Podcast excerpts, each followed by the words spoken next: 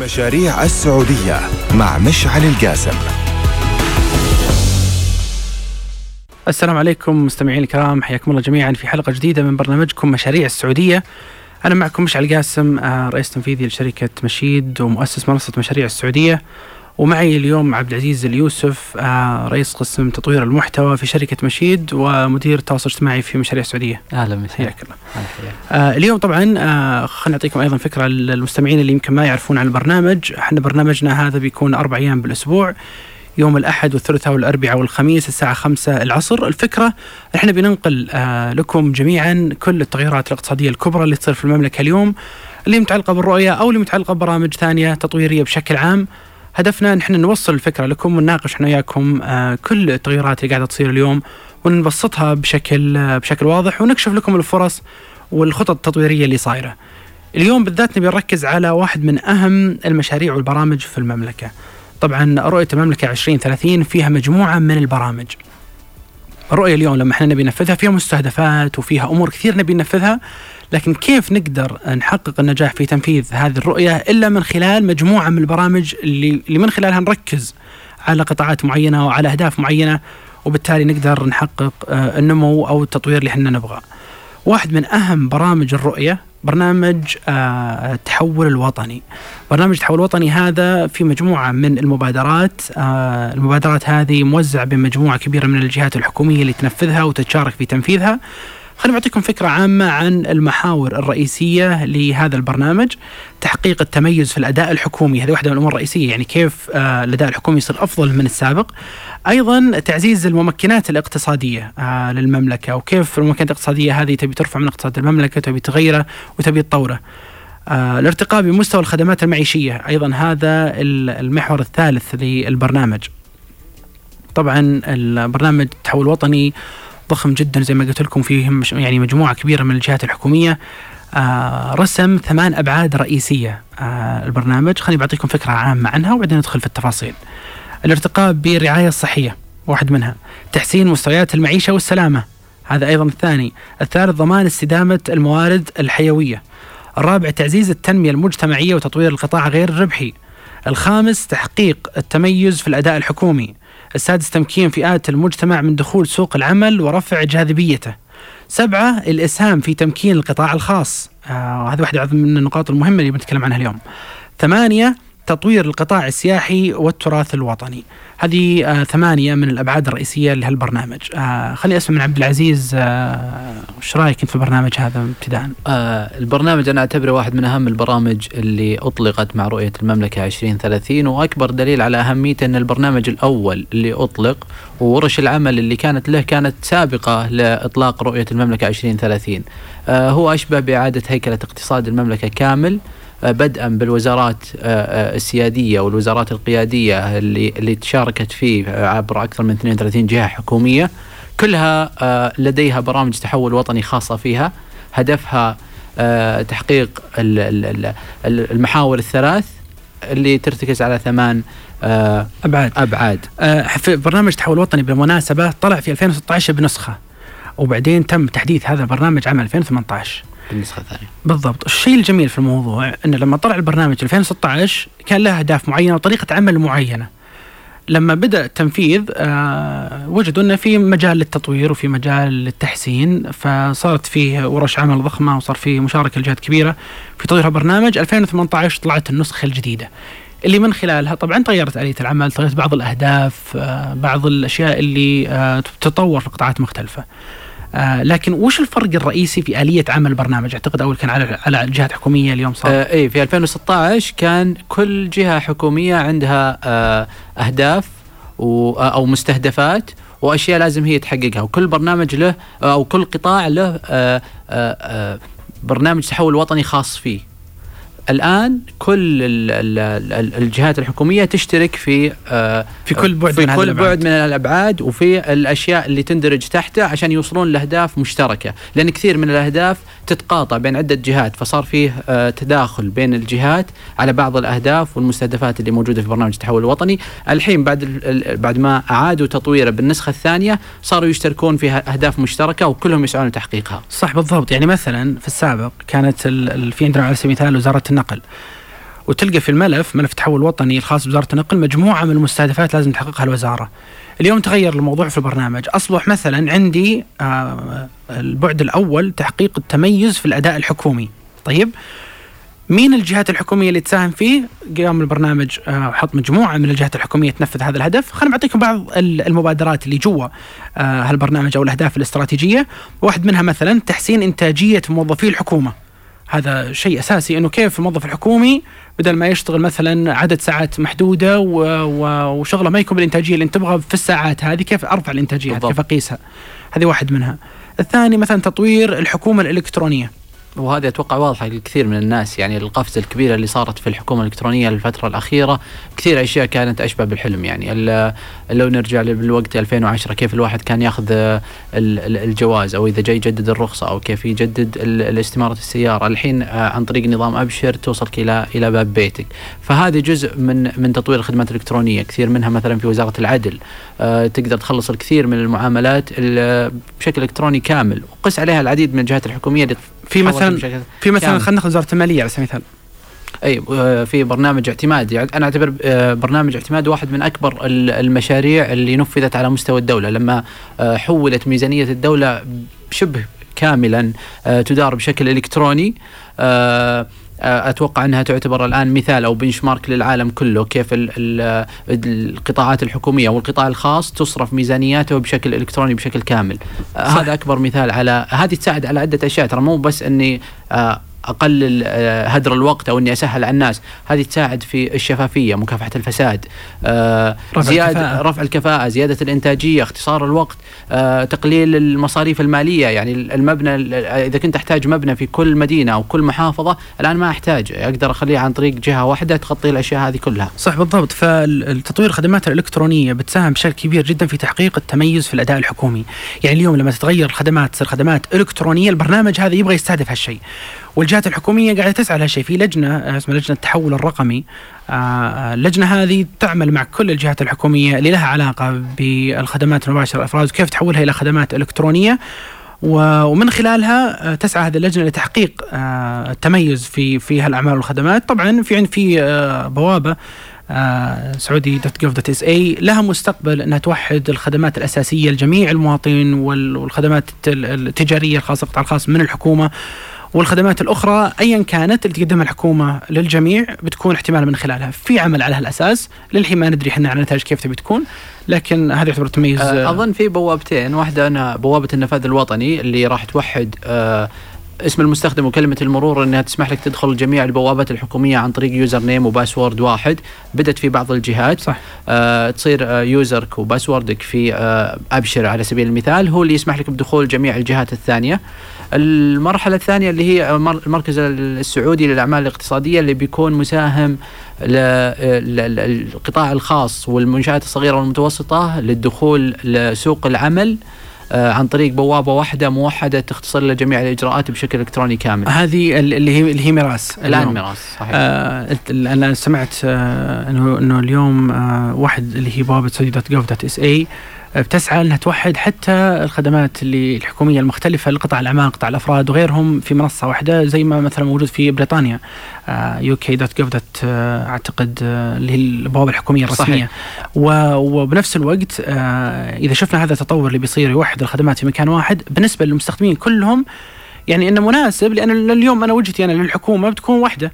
سواء كنت أنا شركة أو كنت أنا فرد آه، ما ما عندي فارقة معي كثير الخدمة بتصير مركزية وأقدر أوصل لهالخدمات هذه بشكل بشكل سريع وبشكل بسيط. اضف لها مشعل إن الخدمات هذه لما تتواجد في بوابة واحدة تساعد على عملين رئيسية. الأول إنه يحسن من مؤشر آه، المملكة في الخدمات الإلكترونية، الشيء الثاني إنه في كثير خدمات حكومية رائعة جدا لكن الناس ما تدري عنها. والسبب إنها تكون في آه، بوابات منفصلة. فلما أنا أدخل عشان أوصل خدمة معينة راح أكتشف خدمات جديدة موجودة من الحكومة لما أدخل البوابات هذه. البوابة المشتركة اللي فيها عدة آه، خدمات حكومية. اليوم ممكن ما احتاج الخدمة لكني بكون أعرف عنها لأني دخلت وشفتها. بالضبط تكون واحدة وموجودة في مكان واحد. أيضا من ضمن الأهداف الاستراتيجية في هذا آه، المحور في مثلا تعزيز الشفافية في جميع القطاعات الحكومية وهذا بدأ يظهر آه، بشكل بشكل بسيط بصراحة. يعني لازم نطمح الكثير جدا من خلال المنصات الإلكترونية هذه وآلية عملها. طبعا إحنا نشوف نتمنى نشوف أرقام وإحصاءات وتقارير وبيانات بشكل أكبر لكن في مجموعة من الوزارات تحسنت في آه، تعزيز الشفافية في عملياتها ويمكن في تقارير الميزانية مؤخرا شفنا إحنا مجموعة منها. وفي أيضا جهات حكومية لا زالت تسعى لتحقيق الهدف. في أيضا دعم قنوات التواصل مع المواطنين ومجتمع الأعمال. هذا واحد من الأمور الرئيسية ضمان تجاوب الجهات الحكومية لملاحظات عملائها. هذا في التميز الحكومي. خلينا ننتقل للمحور اللي بعده. والمحور اللي بعده صراحة ثقيل شوي. جدا مهم. الإسهام في تمكين القطاع الخاص. آه مثلا من ضمن المبادرات اللي فيه تسهيل ممارسة الأعمال. هذا تو نتكلم عنه. بالضبط. اللي هو كيف, آه اللي هو كيف؟ توحد الرخص الحكومية في جهة واحدة. في جهة واحدة. وش يعني هذا قطاع الأعمال؟ آه، أكثر شيء يعانيه قطاع الأعمال خصوصا القطاع الناشئ واللي الدولة تستهدف أنها ترفع آه، نسبة مشاركة المنشآت الصغيرة والمتوسطة من تقريبا 20% آه، إلى 40 45% في الناتج المحلي الكلي السعودي. ما وصلنا للرقم العالمي آه، للدول المتقدمة اللي يوصل إلى 60 70% لكن أنك تسهل آه، للمنشآت الصغيرة الدخول بيسر وسهولة عن طريق بوابة واحدة هي أكثر شيء يعانونه. لما الحين العملية عشان يعني خلال السنتين اللي راحت عشان يفتح محل صغير كان البروسيس حقه ياخذ إلى سنة تقريبا. سنة سنة ونص سنتين ما بين غرفة تجارية ما بين وزارة التجارة وزارة الشؤون البلدية والقروية وقس عليها العديد من الجهات الحكومية الثانية. الحين البوابة الواحدة هذه تتكفل بإنجاز جميع الرخص جميع ال ال ال الإجراءات صحيح عن طريق آه، موقع واحد. طبعا حنا بصراحة زي ما قلنا قبل أنه ميراث هي فيجن آه لا زال تحتاج آه يعني تطوير كبير. لكن الفكرة آه فكرة ممتازة جدا لتوحيد العمل. أيضا من ضمن الأهداف جذب الاستثمارات الأجنبية المباشرة تنمية الاقتصاد الرقمي تطوير قطاع التجزئة. هذه كلها أمور رئيسية جدا لسان في تنمية القطاع الخاص. خليني بقول لك عن شغلة مهمة بصراحة كانت يعني نوعا ما مزعجة شوي. بسبب عمل الحكومة الفترة الماضية بشكل كبير في تطوير القطاعات أصبح الاعتماد على الحكومة هو الشيء الأساسي. والقطاع الخاص أحيانا يدخل في بعض القطاعات بالذات القطاعات الجديدة آه، عليه باستحياء ما يدخل فيها بجرأة بجرأة عالية. اليوم نوعا ما في تغير حكومي إلى أنه يكون في استثمار بشكل أكبر في القطاعات آه، الجديدة مثل قطاعات الخدمات الجنسية زي ما تكلمنا أمس. قطاع الترفيه. قطاع الترفيه قطاع السياحة مثلا قطاع الصناعات قطاع الطاقة المتجددة وغيرها من القطاعات المهمة. اليوم جالسه الحكومة تحاول تأهل البنية التحتية وفي نفس الوقت آه، الرخص والأمور القانونية كاملة في هذه القطاعات المختلفة حتى يقدر القطاع الخاص يدخل فيها وينافس ويحصل بعد البيئة المناسبة. آه، لأن هذه يمكن واحدة من التحديات الرئيسية للقطاع الخاص إنه ما يلقى البيئة المناسبة صح. قانونية مثلا من ناحية التكلفه من ناحية المنافسه أمور ثانية كثير. والأنظمة والتشريعات. بالضبط. آه واحدة أيضا من الأمور الرئيسية الأهداف الاستراتيجية في محور الإسهام في تنمية القطاع الخاص زيادة مساهمة المنشآت الصغيرة والمتوسطة في الاقتصاد. واحدة من الأمور اللي شفناها في نظام المنافسات آه والمشتريات الحكومية على سبيل المثال مؤخرا إنه في سعي من آه من من الدولة إنه مساهمة المنشآت الناشئة تكون أعلى. وضمان منافستها بشكل عادل مع الشركات الكبرى. هذه هذه واحدة من الأشياء. صحيح. أضف لها أنه في اشتراط حكومي في بعض الأشياء أنه يجبر المقاول أو الجهة الحكومية أنها تتعامل مع عدد من المنشآت الصغيرة والمتوسطة السعودية آه، مثلا في بعض القطاعات مثل التأثيث قطاع المقاولات وغيرها أنها آه، بشكل إجباري أنها تتعامل معه. بالضبط. آه، أنا ما أخفيك إنه آه، في تطورات صراحة قاعدين نشوفها اليوم في عالم الشركات الناشئة بشكل عام والتسهيلات اللي خاصة فيهم لكن لازم نطمح لاكثر بصراحة. في اليوم أشوف أنا اهتمام في بعض الشغلات اللي تعتبر ثانوية شوي في بعض المعارض بعض الملتقيات بعض الكذا. يمكن ما هي بهذا الشيء الرئيسي اللي نحتاج. قد ما إحنا نحتاج فعلا تسهيلات في الأنظمة والتشريعات والقوانين والرخص والعمل البلدي على سبيل المثال صح. اللي كثير يمكن من أصحاب المنشآت تعب منه. اختلاف وتنوع الرخص بشكل ما هو طبيعي يعتبر مشتت يعني بشكل كبير. اليوم مثلا يعني لما لما أنت تبغى تفتح نشاط تحتاج دليل ضخم جدا عشان تفهم منه أنواع الرخص هذه وتنوعها وغيرها من الأمور. اللي من خلالها تقدر أنت تعرف هل أنت مطلع رخصه صح ولا ما طلعت رخصه صح فكل هذه الأمور صعبة. يعني اليوم مثلا شركات الناشئه لما بيدخل معهم آه، مستثمر آه زي ما أمس تناقشنا إنه أحيانا المستثمر اللي بيجي بيقول والله هل أنت عندك الرخصة المناسبة؟ ما عندك الرخصة المناسبة. فهذه فيها شوي تحديات. وأضف لها إنه بعض بعض الأحيان تختلف الأنظمة ما بين بلدية إلى بلدية أخرى في نفس المدينة. وبعض المرات من مدينة لمدينة فيها قوانين بحسب المزاجية. بعض الأحيان يصدر قرار من جهة الجهة الثانية تقول ما وصلني القرار هذا. فمهم يكون فيه تكامل بين الجهات الحكومية عشان تفيد المنشآت الصغيرة والمتوسطة خصوصا. آه مؤخرا آه وزير البلدية آه أصبح ماجد القصبي بالتكليف. صحيح. الدكتور ماجد و... و... وأنا أعتقد يعني إنه ممكن يكون في تغير ممتاز جدا في قطاع البلدي وسمعت صراحة عن تغيرات قاعدة تصير في القطاع بشكل كبير. تنظيميا وعلى مستوى الفرص اللي موجودة فيه. لكن طبعا إحنا عارفين قطاع بلدي كبير جدا وضخم والتغيير فيه يمكن يحتاج وقت وجهد كبير لكن إحنا مؤمنين إن شاء الله هالشيء بيصير آه، بإذن الله واقع ملموس. بإذن الله. أيضا في عندنا من ضمن الأهداف زيادة مساهمة الأسر المنتجة في الاقتصاد. تعزيز اهتمام الشركات باستدامة الاقتصاد الوطني. هذه كلها أمور مهمة. واحدة أيضا من ال من ال ال ال ال الأشياء الرئيسية أو المحاور الرئيسية تحسين مستوى المعيشة والسلامة. آه مثلا من ضمن الأهداف اللي فيها الارتقاء بجودة الخدمات المقدمة في المدن السعودية. يعني اليوم مثلا لما عندي مدينة مدينة الرياض مدينة جدة مدينة الدمام آه غيرها من المدن السعودية كيف مستوى الخدمة اللي فيها؟ آه نحتاج أن يكون المستخدمين فيها أفضل متطور يعني سواء كانت خدمات إلكترونية خدمات يعني على أرض الواقع. هو في أحد من مستهدفات الرؤية أنه تكون في ثلاث مدن سعودية على الأقل ضمن أفضل 100 مدينة آه، في العالم. وهالأشياء تجي عن طريق تضافر الجهود وتوفير الخدمات الأساسية من بنية تحتية وخدمات آه، إلكترونية وتوفير وسائل كاملة للرفاهية المعيشية تشمل الترفيه، تشمل السياحة، تشمل آه، جودة التعليم، نقاء الهواء، كل الصحة، المستشفيات، المدارس، كل هذه تدخل ضمن جودة الحياة.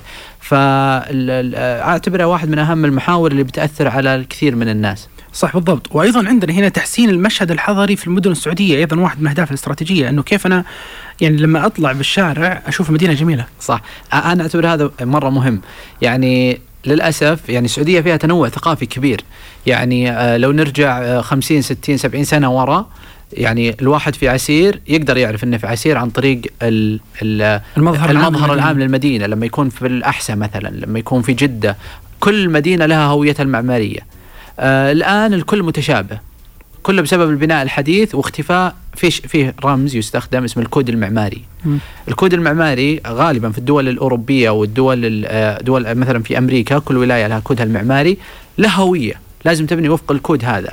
أنا صراحة سعيد إن في عسير أطلق كود مع أو بيطلق قريبا كود معماري خاص بعسير يرتبط يرتبط بهوية عسير هالشيء بيساعد على تحسين المشهد الحضري وإن البناء يكون وفق معايير محددة ما يعني بعيد عن الاجتهادات الشخصية. بالضبط. آه وأيضا يشمل تحسين المشهد الحضري بشكل عام المرافق العامة يشمل مثلا الأرصفة الشوارع حقوق المشاة حقوق المعاقين وغيرها من الأمور المهمة اللي يمكن اليوم يعني إحنا نشوفها بصراحة آه ناقصة في في في أجزاء كبيرة. أنا أعطيكم واحد من الأمثلة الغريبة.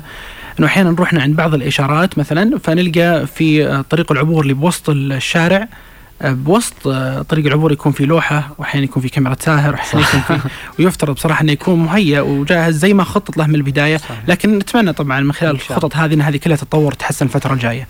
أيضا تعزيز الاستدامة عفوا السلامة المرورية واحدة من الأمور الرئيسية الحد من التلوث بأنواعه تحسين الظروف المعيشية للوافدين. هذه كلها من ضمن اهداف تعزيز السلامة المروريه على سبيل المثال لما قلنا إنه النسخة الثانية من آه، برنامج التحول الوطني تعزيز السلامة المروريه كانت تندرج تحت وزارة النقل.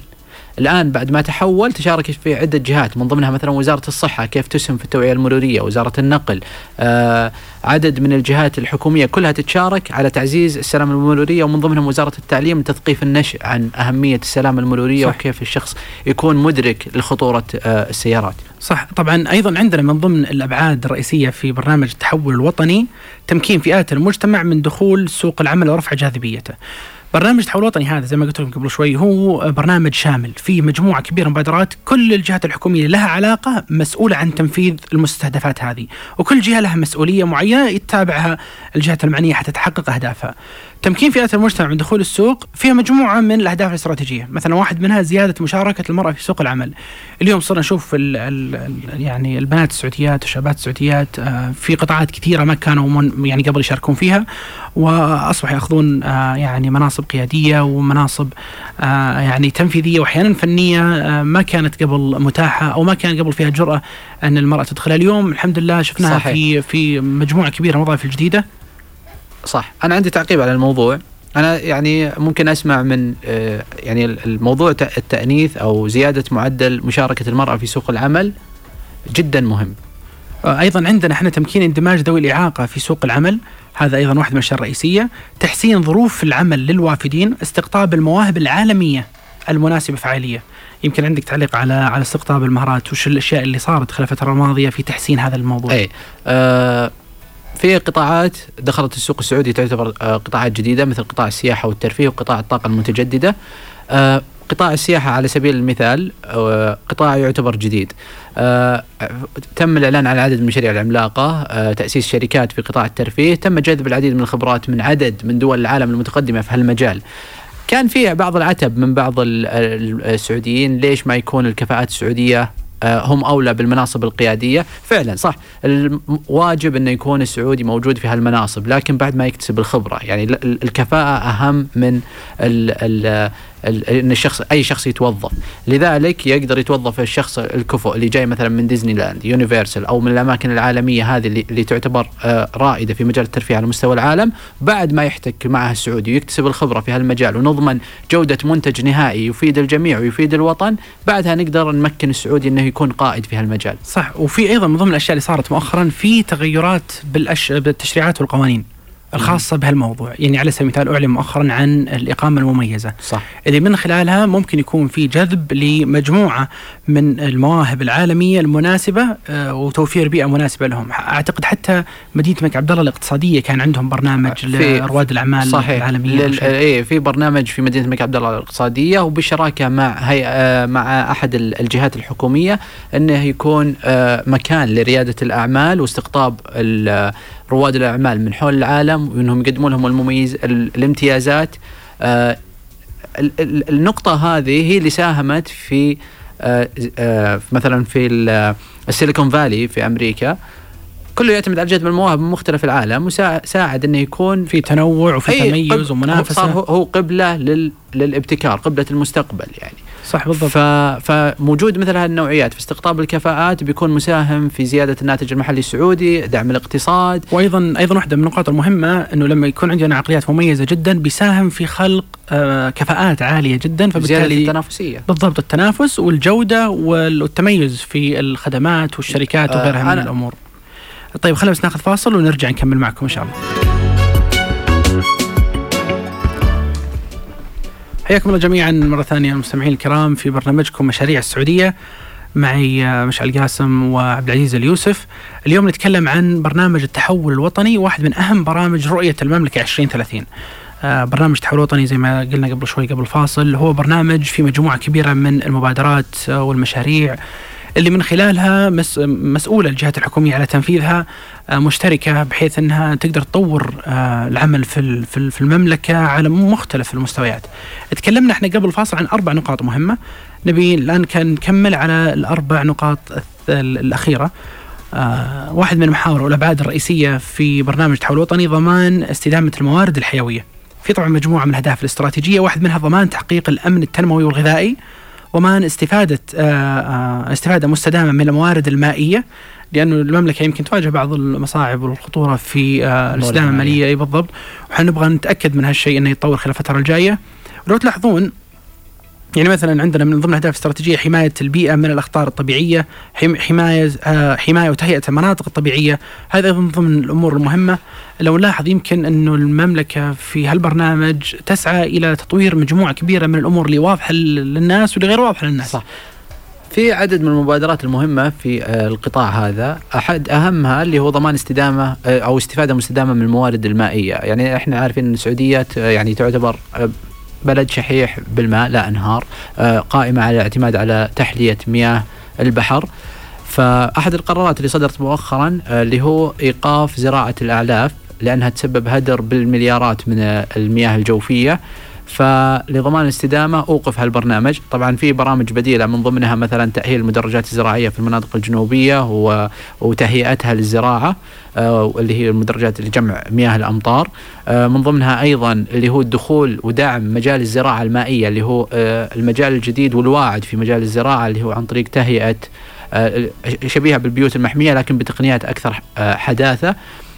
قائمة على 90% آه، نسبة أقل من المياه 90% نسبة أقل بالتربة وتشكل نسبة إنتاج أكبر ب 300 إلى 400% كل هذه المبادرات بتسهم في آه، ضمان الأمن المائي والغذائي للسعودية.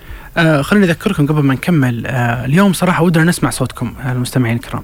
ونبغى نسمع آه من اتصالاتكم آه الأسئلة اللي أنتم تبغون نجاوب عليها اليوم عن برنامج التحول الوطني آه، فبعد شوي بنتيح المجال. إن شاء الله الرقم اللي يتكلمون عليه صفر ثمانية واحد واحد واحد واحد صفر تسعة تسعة تسعة تسعة. آه بعد شوي إن شاء الله بنتيح الاتصال ونبي نسمع أسئلتكم. المحور اللي عندنا هنا الارتقاء بالرعاية الصحية في ثلاث أهداف آه استراتيجية. تسهيل الحصول على الخدمات الصحية تحسين جودة وكفاءة الخدمات الصحية تعزيز الوقاية ضد المخاطر الصحية. وأعتقد القطاع الصحي واحد من القطاعات المهمة بصراحة اللي الكل يتمنى في هذا القطاع أنه يتطور. وإحنا نعرف طبعا أنه في تحديات كبيرة و... و... و... ويمكن بعض الصعوبات اللي تواجه هذا القطاع في التطوير والخدمات الصحية يعني كثير جدا مستفيدين منها صح. وكثير جدا آه، يتمنون القطاع يتطور. والوزارة اليوم تعمل على مجموعة من المشاريع التطويرية آه، لتطوير هذا القطاع آه، والجهات الصحية الأخرى. يمكن آه، واحد من أهمها اللي اعلن مؤخرا عنه اللي هو المجمعات الصحية أو المجمعات الطبية والشركات اللي بتنشأ لها المجمعات الطبية زي ما قال معالي وزير الصحة صحيح. قبل مدة صحيح. إنه بتنشأ مجموعة من الشركات لتحسين الخدمة يمكن خليني بعطيك بس فكرة بسيطة عن إيش قال الوزير ذاك اليوم قال قال إنه بيكون في آه، مجموعة من المستشفيات في تخصصات مختلفة بيخلونها مجمع طبي واحد، المجمع الطبي هذا بينشأ له شركة وبعدين بيكون في 20 شركة آه، تملكها شركة قابضة لوزارة الصحة. كيف بيصير آلية العمل؟ آلية العمل بتكون إنه كل مواطن يروح للمستشفى ويعالج وبعدين تدفع وزارة الصحة تكاليف علاج هذا المريض. اليوم وزاره الصحة تدفع المبلغ للمستشفى قبل بشكل مباشر بالضبط وبعدين المستشفى يعالج المرضى. لاحقا حسب كلام الوزير أنه لا أنه على حسب المريض نفسه يروح للمستشفى اللي هو يختار يعني مثلا طبعا حتى بالك نقطة أنه إذا المستشفى ما عالج ولا مريض معناته ما عنده ميزانية تبي تنزل صح.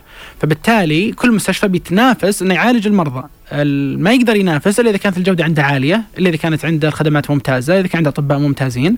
فبالتالي بيجون الناس يعالجون عنده ويكشفون عنده ويصير عنده بالتالي دخل من الدولة. كل ما أنت عالجت آه، آه، مرضى أو مراجعين بالتالي الدولة بتدفع لك آه، وهذا الشيء بيغير آلية عمل القطاع الصحي عندنا وبيطور الخدمات بشكل كبير بإذن الله. أضف لها إنه بيتاح العلاج للمواطن في القطاعين الحكومي والخاص. بعد ما تتحول المستشفيات الحكومية إلى شركات راح تعتبر كلها تندرج تحت القطاع الخاص. فزيادة الخيارات للمريض بتكون أكبر. إذا المريض الآن ما يملك التأمين الصحي أو كان تامينه الصحي محدود بحسب جهة عمله ما يقدر يروح لكل المستشفيات. لكن مستقبلا كل المستشفيات بشكل كبير راح تكون متاحة له. صح. فهذه إضافة له. صح بالضبط.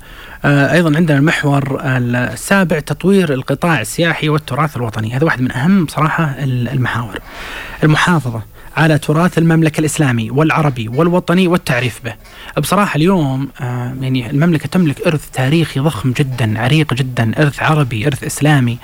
يمكن ترى الفترة الماضية ما ما يعني ما استغليناه بالشكل المناسب، يمكن إحنا نفسنا كسعوديين آه، ما شفناه بالشكل المناسب، يمكن اليوم ما نشوف إحنا الرياض ببعدها التاريخي آه، يعني ما نعرف عن تاريخ العرب البائدة اللي فيها، ما نعرف عن القبائل اللي عاشت 2000 سنة ماضية، 2500 سنة ماضية حجر اليمامة وتاريخها والقصص اللي صارت فيها والماضي العريق مثلا نروح لجدة على سبيل المثال فيها تاريخ كبير جدا فيها آه، يعني قصص ومعارك يمكن صارت مع آه، غزاة من الخارج في فترات زمنية ماضية قبل 500 سنة 600 سنة آه، مع البرتغاليين وغيرهم. في في أمور كثيرة صارت في في التاريخ السعودي المنطقة الشرقية وقرية الفاو والخدود في نجران مدائن صالح في العلا الحي الدرع في آه، دومة الجندل في الجوف. يعني بلد غني بالتراث لكن ينقصنا التعريف به المحافظة عليه جعلها أماكن مهيئة للسياح.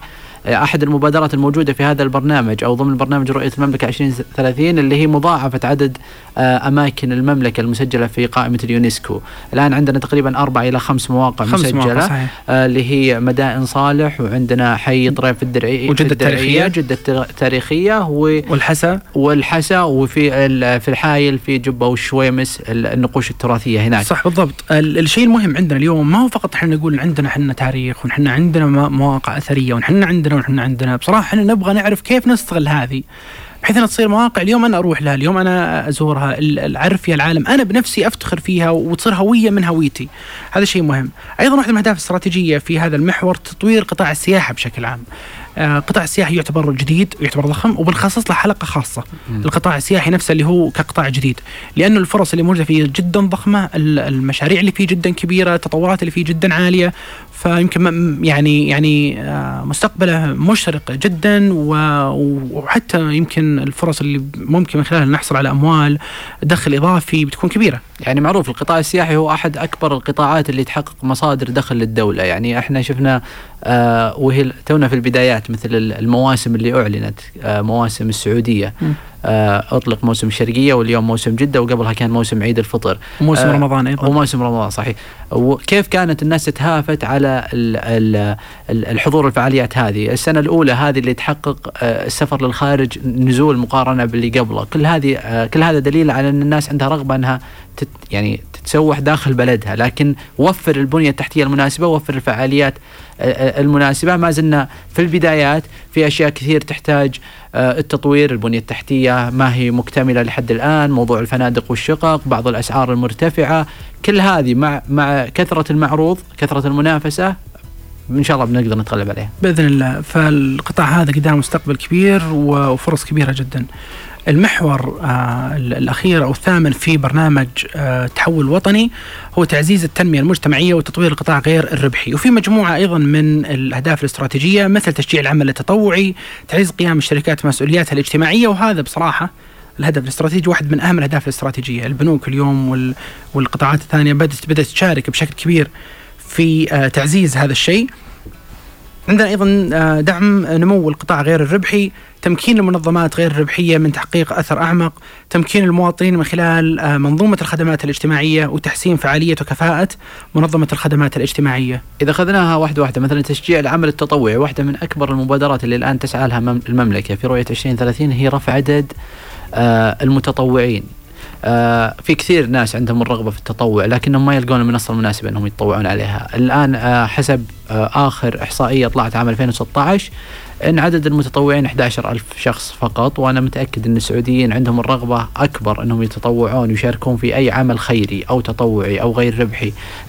نستهدف حنا الوصول لمليون متطوع في عام 2030 طبعا آه هذه يمكن ملخص لأهم ال- ال- التفاصيل اللي موجودة في برنامج التحول الوطني.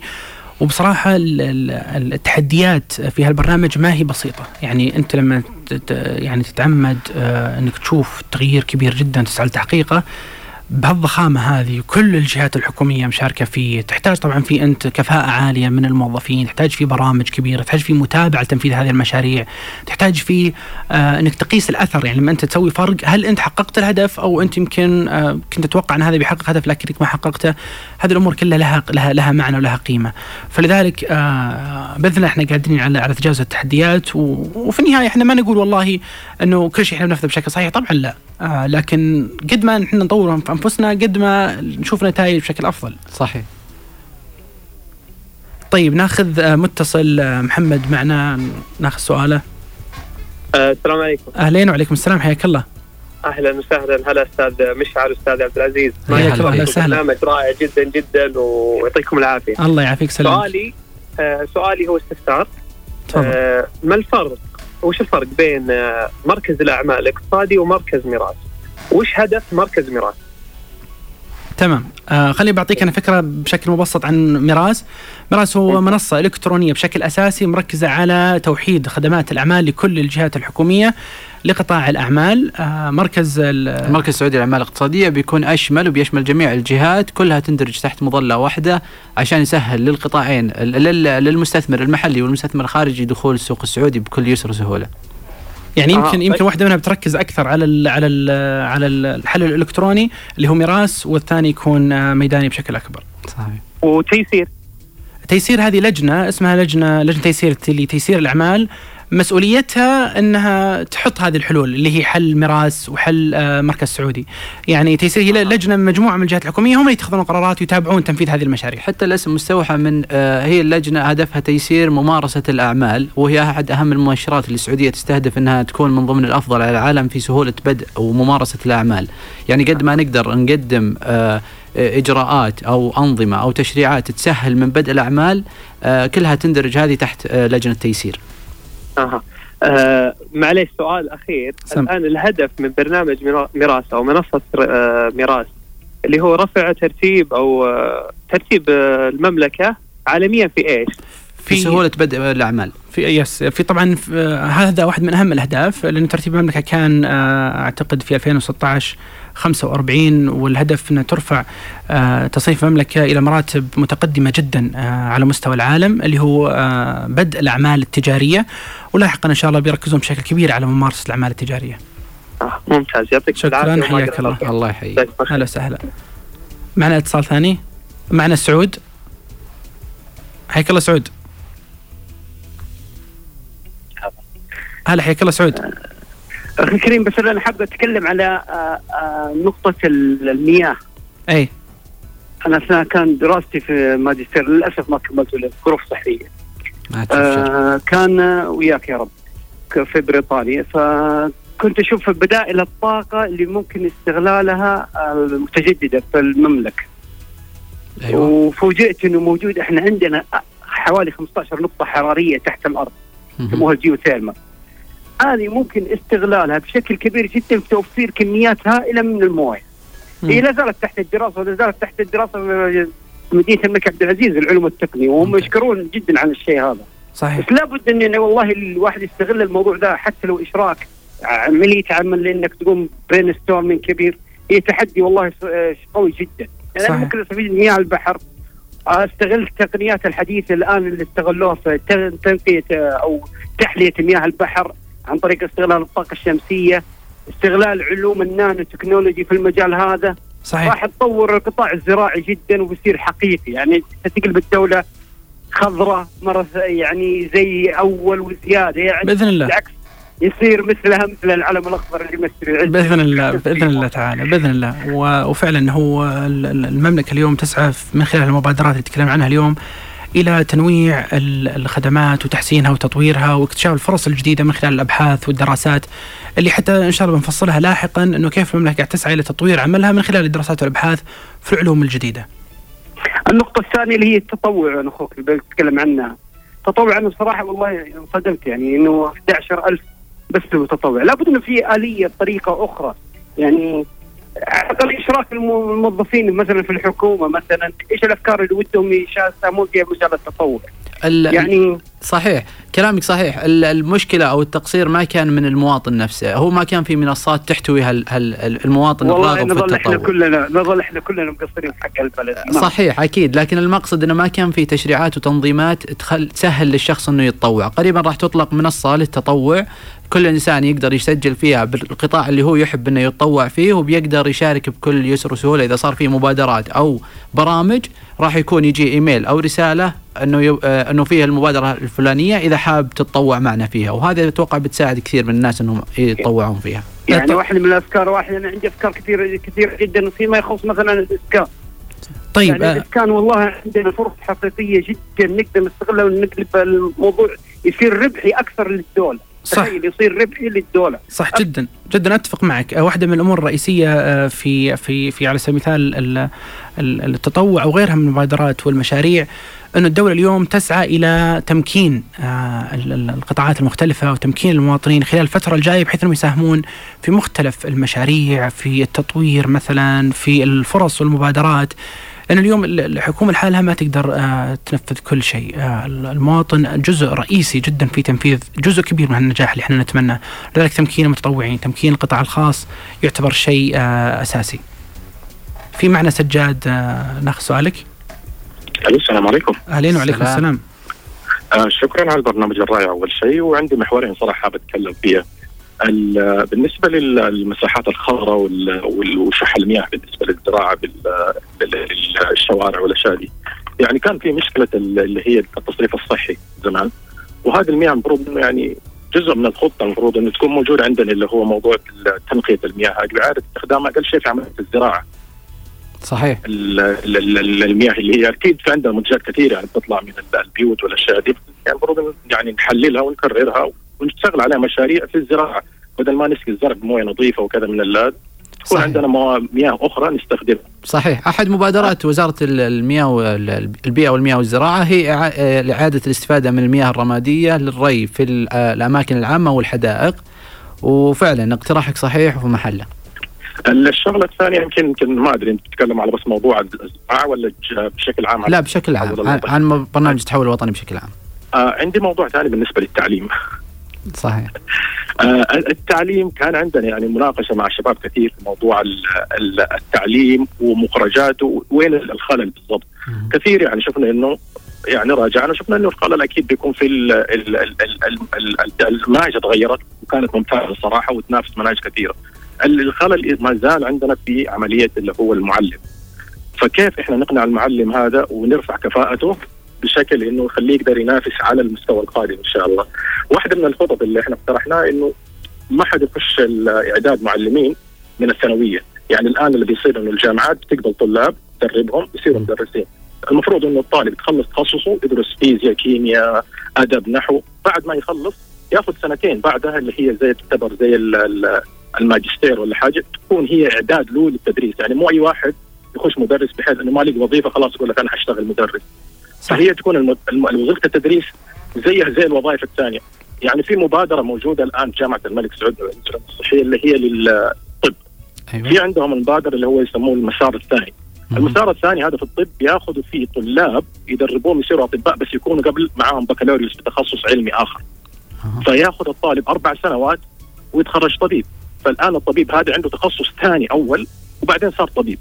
ليه ما يصير الكلام ده في التعليم برضه؟ هذا بيرفع كفاءة المعلم. صح. في ممتاز نفس الوقت تقدر. تصرف عليه رواتب عالية. ممتاز.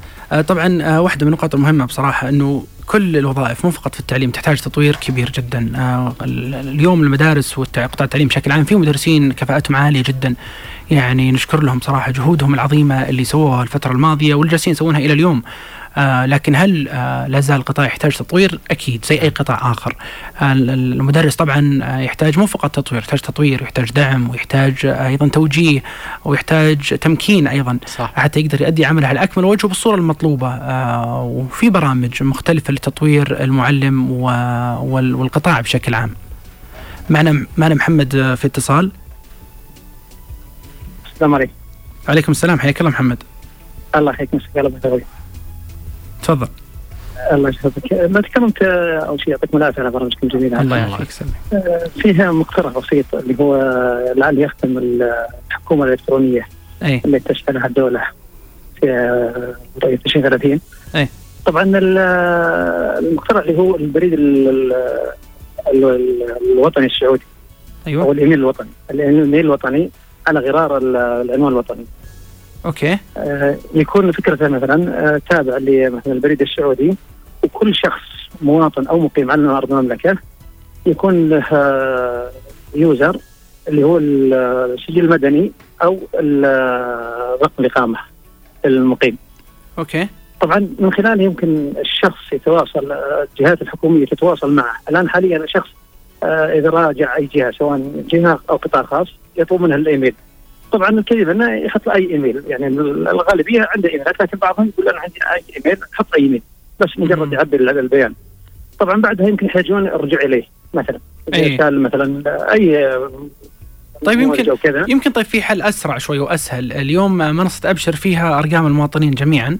واعتقد وزاره العدل الآن بالتبليغ آه، أصبح من خلال الرسائل اللي موجودة على أبشر بأمر ملكي. صار بدل ما يروح شخص معين ويبلغ بالأمر القضائي صار من خلال رسالة ال SMS لجميع المواطنين، ليش ما يكون ال SMS هو الحل بدل ما نسوي إيميل رسمي؟ لا لا قصدي إنه بعض الجهات تحتاج الايميل يعني عشان إرسال مراسلات بينها وبين الشخص بين الافراد يعني. مراسلات آه، تعبئه نماذج مثلا. إذا كانت قصدك فيها محتوى وفيها مرفقات إيه، إيه، وفيها نعم. تفاصيل. إيه, إيه, إيه, إيه نعم. نعم هذا المقصد. أنا أقصد إنه يوجد الإيميل الوطني آه، أعتقد انها يعني كفكرة يمكنها جديدة. على العالم. إذا بادرت فيها مثلا الجهات الم- المختصة في السعودية الإيميل الوطني آه، يكون خلاص فعلا أي جهة الآن تريد الشخص هذا معروف. مثلا السجل المدني حقه بعدين at ثم مثلا نفرض إنه امتداد البريد السعودي مثلا أو ال- حق وزارة الداخلية مثلا. هو مثلا MOI dot مثلا خلاص هنا الآن معروف الإيميل هذا أو ال user هذا ايميل الشخص هذا. أي صح نظم ممكن جدا. ممكن جدا ممكن الجهات المعنية يعني فعلا بنفس, تراجع المقطع. بنفس الطريقة اللي موجودة لما تكون طالب في الجامعة ويكون لك إيميل رسمي آه للجامعة. آه رسمي للجامعة وتكون مراسلاتك داخل الجامعة كلها عن طريقه. فلما تكون بالفعل. مواطن أو مقيم يكون لك إيميل حكومي. فعلا مقترح جميل. الله يعطيك العافية. بالفعل. أنا قد مقترح مقترح هذا. جدا جميل. الله يعطيك الف عافية. ومن خلال إذاعتكم الرائعة. الله يطول عمرك. شكرا لك. آه نختم في ال- ال- الوقت المتبقي باختصار سريع جدا للي تحدثنا عنه اليوم. برنامج التحول الوطني زي ما قلنا قبل شوي إنه واحد من البرامج الرئيسية الممكنة لتحقيق رؤية المملكة 2030 البرنامج هذا في مجموعة كبيرة من الجهات الحكومية ومستهدفات ضخمة جدا. زي ما قلت قبل شوي إنه شراكة الجهات الحكومية المختلفة هذه ما هي يعتبر سهل. لكن فيه اليوم مكاتب لتحقيق الرؤية عند كل جهة حكومية مسؤوليتها متابعة تنفيذ آه، آه، هذه البرامج وهذه المشاريع بحيث إنها بعد مدة زمنية معينة نتأكد إنها تم تنفيذها. وإذا جهة من الجهات هذه والله مثلا واجهت صعوبة أو عوائق في تنفيذ مشاريعها ترفع لها المكاتب وترفع لمقام أعلى وبعدين يعني آه، يشوفون كيف ممكن تحل هذه المشاكل أو يتم التنسيق بين الجهات بشكل أكبر. يا. مثل ما قلت إنه في مكاتب لتحقيق الرؤية في مراكز لقياس الأداء الحكومي والجهات الحكومية ملزمة بارسال تقارير أسبوعية عن تقدم آه، آه، ال ال ال ال ال الأشياء اللي عندها بشكل أسبوعي عشان يعرفون إذا في أي صعوبات يواجهو- يواجهونها وش مكامن الخلل كيف ممكن يعالجونها كيف ممكن يتفادونها بشكل أسرع وفي مركز منشأ ضمن المكاتب تحقيق الرؤية اللي هو مركز الإنجاز والتدخل السريع. أي هذول اللي هم مراكز الامتياز الخاصه بالرؤية ومركز إنجاز الدخل السريع. مسؤوليته أعتقد إنه يساعد الجهات في إنجاز إذا. واجهوا أي مشكلة. بالضبط. وفي أيضا مركز أداء لقياس إيه، أداء الجهات الحكومية العاملة ومعرفة مدى إنجازهم للمهام اللي عليهم. وأعتبر المركز هذا بيكون جدا مهم لل لل للجهة الح- الجهات الحكومية والأفراد لأنك أنت تقدر تقيم من خلاله الجهات الحكومية ومستقبلا راح يكون فيه آه، تقييم لكل جهة حكومية. تعرف الجهة الحكومية اللي قدمت شكلها آه، بشكل كويس أو لا؟ شكرا عبد العزيز اليوسف آه، الله على الحوار. الجميل اليوم. تسلم. أنا كنت معكم مشعل قاسم في برنامجكم مشاريع السعودية. أتمنى أن نكون أثرنا الحوار اليوم. نشوفكم بكرة إن شاء الله في حلقة جديدة. بيكون بكرة موضوعنا عن الطاقة المتجددة وبندخل في تفاصيلها. وبإذن الله بتكون المعلومات اللي فيها جدا ممتعة. شكرا لكم جميعا. مشاريع السعودية.